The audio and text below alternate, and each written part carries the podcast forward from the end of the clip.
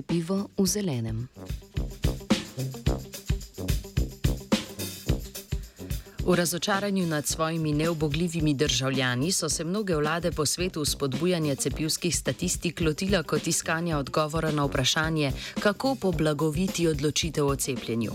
V bolj skromnem Vancouvru so družbenemu statusu C pripisali vrednost slabe 4 evre, v New Yorku pa burger in krompirček.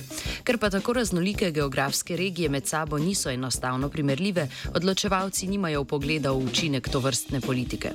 To pomankljivost je naslovila mednarodna skupina znanstvenikov in znanstvenic ter raziskala obseg motivacije, ki jo predstavlja 20 evrov ali preračunano v švedsko pivo, tri vrčki.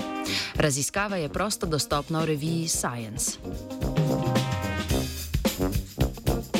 Ta namen so med majem in junijem letos več tisoč švedom in švedinjam ponudili denarno nagrado, če se za cepljenje odločijo v 30 dneh potem, ko to postane možnost. Po standardnem ugotavljanju, da je vzorec reprezentativen in da v njem niso prisotni socioekonomski, starostni ali spolni dejavniki, zaključujejo, da je vrednostna predstava zvišala privlačnost cepljenja za 4 odstotke.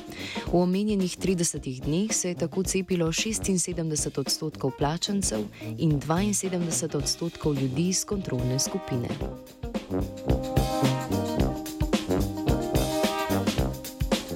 Da bi dodatno zvišali prepričljivost raziskave, so poskusili podobno doseči z uporabo mehkih sredstev. Nekaterim poskusnim osebkom so tako naložili, naj zapišejo seznam štirih ljudi, zaradi katerih je dobro, da se cepijo, drugim pa naj zapišejo argument, ki bi po njihovem najbolje nagovoril druge k cepljenju. Nobena od teh metod pa ni signifikantno vplivala na delež švedin in švedov, ki so bili pripravljeni nastaviti roko. Za slovenski kontekst je vrednost študije nejasna. Saj raziskovalci in raziskovalke kot alternativne strategije niso preučili tudi kacovih retoričnih prijemov. Prav tako niso preverili več kot ene vsote denarcev. Če si dovolimo enostavno linearizacijo, bi lahko rekli, da je vsak odstotek v našem denarju vreden dva bureka.